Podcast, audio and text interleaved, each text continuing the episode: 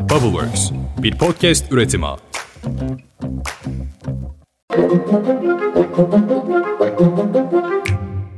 Günaydın. Bugün 15 Mayıs 2023. Ben Özlem Gürses. Bubbleworks Media ve Pushholder'la birlikte hazırladığımız 5 dakikada dünya gündemine hepiniz hoş geldiniz.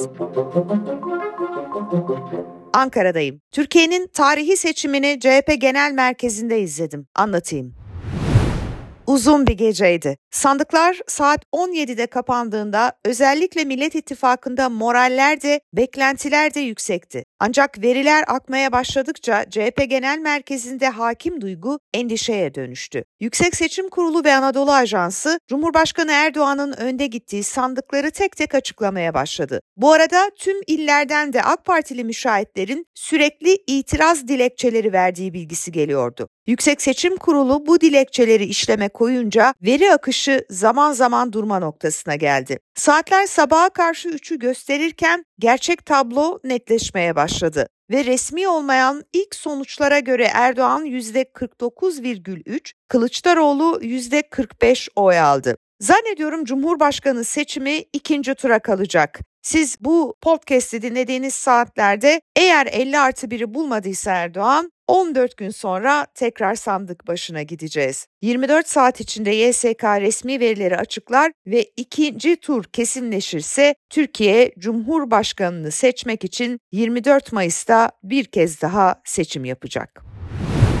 Gecenin ilk açıklaması Cumhurbaşkanı Erdoğan'dan geldi. Erdoğan AK Parti Genel Merkezi'nde balkona çıktı ve seçimler ikinci tura kaldıysa da başımızın üstünedir dedi. Şayet milletimiz tercihini seçimin ikinci tura kalmasından yana yaptıysa onun da başımızın üstünde yeri var.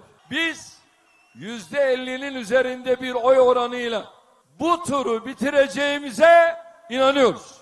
Zira yurt dışı oylar tamamıyla ülkemize intikal etmiş değil. Sayımları devam ediyor. Bunun için teşkilat mensuplarımızdan ve bize gönül veren tüm kardeşlerimden sandıklardaki ilçe ve il seçim kurullarındaki işlemler bitene kadar teyakkuz halinde olmaya devam etmelerini istiyorum. Seçim zaferimizin gölgelenmesine yol açacak en küçük bir rehavete, en küçük bir zafiyete izin vermeden süreci takip edeceğiz. CHP Genel Merkezi'nde Millet İttifakı'nın genel başkanları da bir arada bir açıklama yaptı. Açıklamayı bizzat ortak aday Kemal Kılıçdaroğlu gerçekleştirdi. Hiç kimse bir oldu bittiye heves vermesin. Seçim balkonda kazanılmaz. Veriler şu anda akmaya devam ediyor. Milletimiz ikinci tur diyorsa başımızın üstüne. Bu seçimi ikinci turda mutlaka ama mutlaka kazanacağız. Herkes bunu görecek. Geçici sonuçlar şunu göstermiştir ki Erdoğan toplumdan beklediği güven oyunu alamamıştır. Toplumdaki değişim talebi yüzde ellinin üzerindedir. AK Parti'deki oy kaybını da bu gerçek göstermektedir. Biz önümüzdeki 15 gün boyunca Türkiye için milletimizle beraber bu ülkeye hakkı, hukuku ve adaleti getirmek için her türlü mücadeleyi yapacağız. Halkımız emin olsun mutlaka ama mutlaka kazanacağız ve bu ülkeye demokrasiyi getireceğiz. Ata İttifakı'nın ortak adayı Sinan Oğan seçimde %5,3 oy aldı. AK Parti Genel Başkan Vekili Binali Yıldırım Sinan Oğan'ı telefonla arayarak aldığı bu oy oranı için tebrik etti. Millet İttifakı Cumhurbaşkanı adayı Kemal Kılıçdaroğlu da Oğan'ı aradı, tebrik etti ve ikinci tura doğru görüşme talebini iletti. Cumhurbaşkanı adayı Sinan Oğansa seçimin ikinci tura kalacağını ifade etti. Oğan destek vereceği ittifak için şartlarını sıraladı ve Türk milliyetçileri ikinci turun belirleyicisi olacaktır dedi. Biz anayasanın ilk dört maddesinin değişmezliği, madde 66 Türklüğün anayasadan çıkarılma girişimlerinin karşısında bir set kurulması, 13 milyon sığınmacının gönderilmesi, Türkiye'deki son ekonomik krizin temel sebeplerinden olan faiz sebep enflasyon sonuç saçmalığından kurtulunması gibi bizim öne koyacağımız şartlar vardır. Bu şartlar olmadan zaten ikinci aşamaya geçilmez. O sebeple de terörle mücadele tabi unutmayalım. FETÖ terör örgütü başta olmak üzere, PKK terör örgütü başta olmak üzere ve Hizbullah terör örgütü başta olmak üzere terör örgütleriyle müzakere de elbette ki bizim olmazsa olmazlarımızdır. Bundan sonra ancak diğer meseleler konuşulacaktır. Bu şartlar olmadan olmaz diyen Sinan Oğan, biz anayasanın ilk maddesini, sığınmacıların gönderilmesini, FETÖ ve PKK terör örgütleriyle mücadeleyi ve faiz politikasını şart koştuk. Bu şartlar olmadan olmaz. Bundan sonra ancak diğer meseleler konuşulacaktır ifadesini kullandı. Radikal dinci terör örgütü Hizbullah'la bağ olduğu gerekçesiyle eleştirilen Hüdapar'ın dört adayından üçü, Genel Başkan Zekeriya Yapıcıoğlu İstanbul'dan, Genel Sekreter Şehzade Demir Gaziantep'ten ve Diyarbakır İl Başkanı Faruk Dinç Mersin'den AK Parti listelerinden milletvekili seçildiler.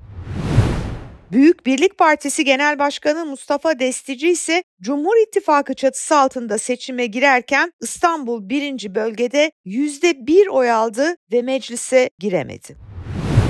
Cumhuriyet Halk Partisi 16 yıl sonra Diyarbakır'dan bir milletvekili çıkardı. %7,74 oy alan CHP'nin ilk sıra adayı Sezgin Tanrıkulu meclise girdi. Diyarbakır Barosu'nun eski başkanı Tahir Elçi'nin eşi Türkan Elçi de İstanbul 3. bölgeden CHP listelerinden meclise girdi. Giresun'da AK Parti 1, CHP 1 ve MHP 1 milletvekili çıkardı. CHP'den meclise gidecek olan Elvan Işık Gezmiş, Giresun'un ilk kadın milletvekili olacak. CHP Rize'den de 1980'den bu yana ilk kez milletvekili çıkardı. Partinin kentteki birinci sıra adayı Yüksek İnşaat Mühendisi Tahsin Ocaklı meclise gidiyor. Eski Ülkü Ocakları Genel Başkanı Sinan Ateş cinayeti zanlılarından Tolga Demirbaş'ın evinde bulunmasıyla gündeme gelen Mersin MHP milletvekili Olcay Kılavuz yeni dönemde vekil seçilemedi. Türkiye İşçi Partisi ilk verilere göre 4 vekille mecliste. Genel Başkan Erkan Baş, Gezi tutuklusu avukat Can Atalay, Ahmet Şık ve Sera Kadıgil seçilerek meclise gittiler. 6 Şubat depremlerinden etkilenen 11 ilde AK Parti iktidarı 47 milletvekili çıkardı. Bu 11 ilin çoğunluğunda 2018 seçimlerinde de iktidar partisi yine birinci parti olarak çıkmıştı.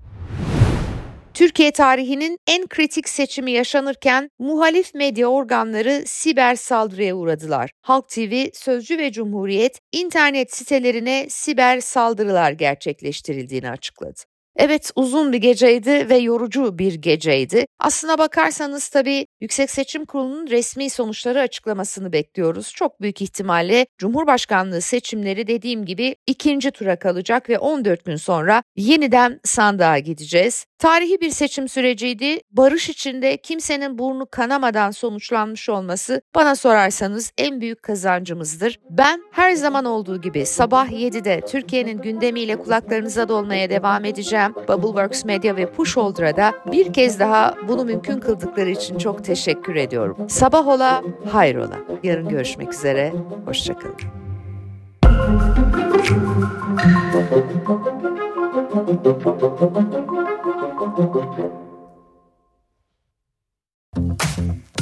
Bubbleworks bir podcast üretimi.